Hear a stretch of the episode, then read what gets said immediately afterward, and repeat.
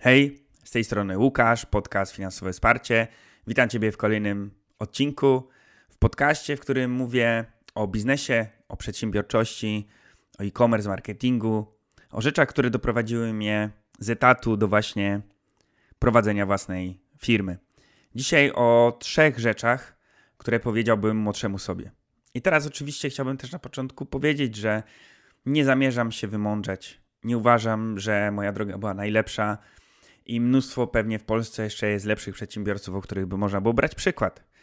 Jednak kiedyś usłyszałem bardzo dobry cytat, że nie obserwuj przedsiębiorców, którzy już teraz mają miliardowe, milionowe spółki, tylko obserwuj tych ludzi albo obserwuj ich dokonania jeszcze nim zostali tymi milionerami. Więc jeśli jesteś osobą, która jeszcze właśnie jest na etacie, jeszcze gdzieś jest początkującym przedsiębiorcą, to myślę, że jak najbardziej warto słuchać też moich doświadczeń, warto uczyć się też na tych błędach, które ja popełniałem i ich nie popełniać.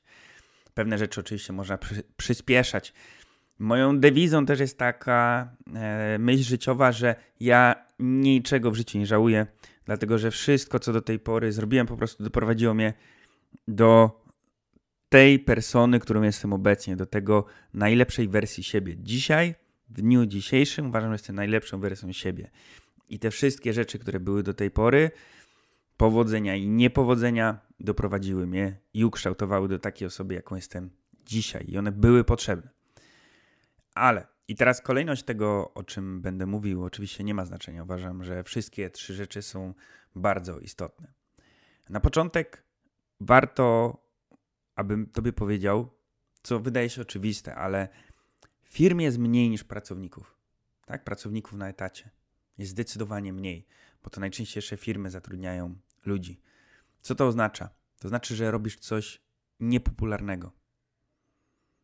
I bardzo często będziesz przecierać nowe ścieżki.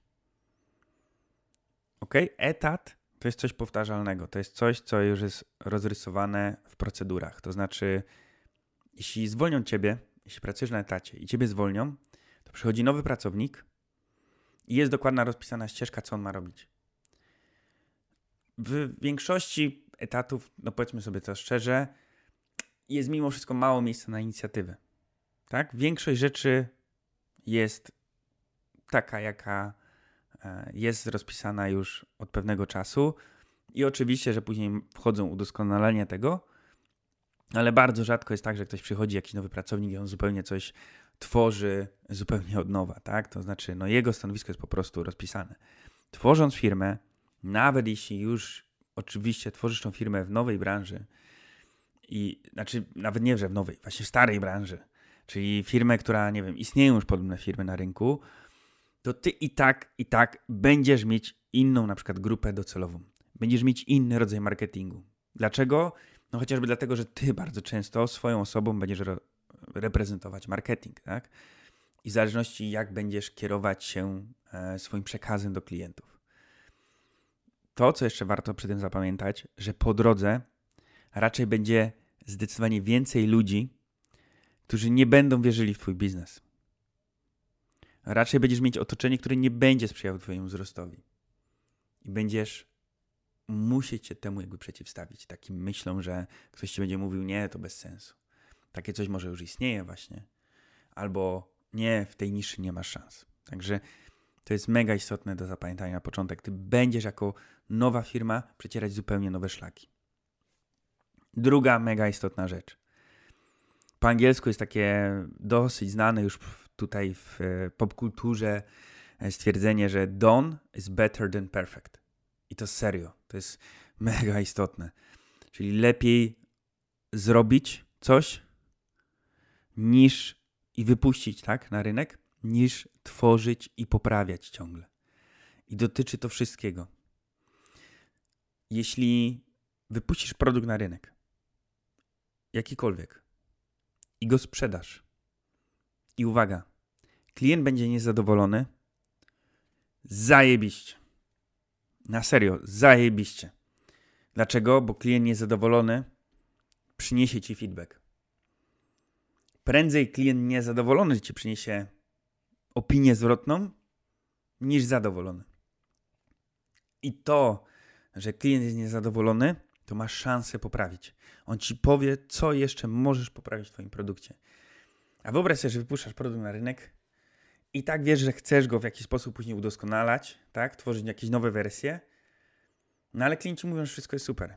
Więc skąd masz wiedzieć, co tu jeszcze możesz, jakie aktualizacje wnieść do swojego produktu?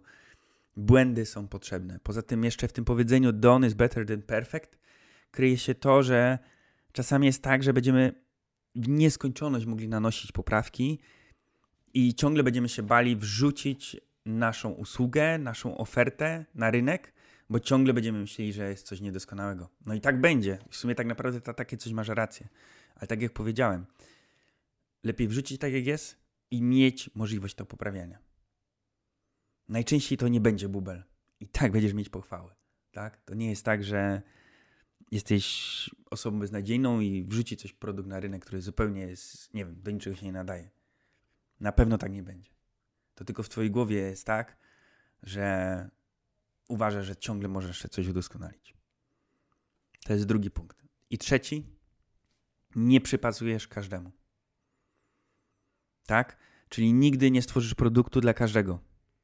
Dlatego tak ważne jest już na samym początku startu Twojego pomysłu, Twojej idei, określanie swojej grupy docelowej.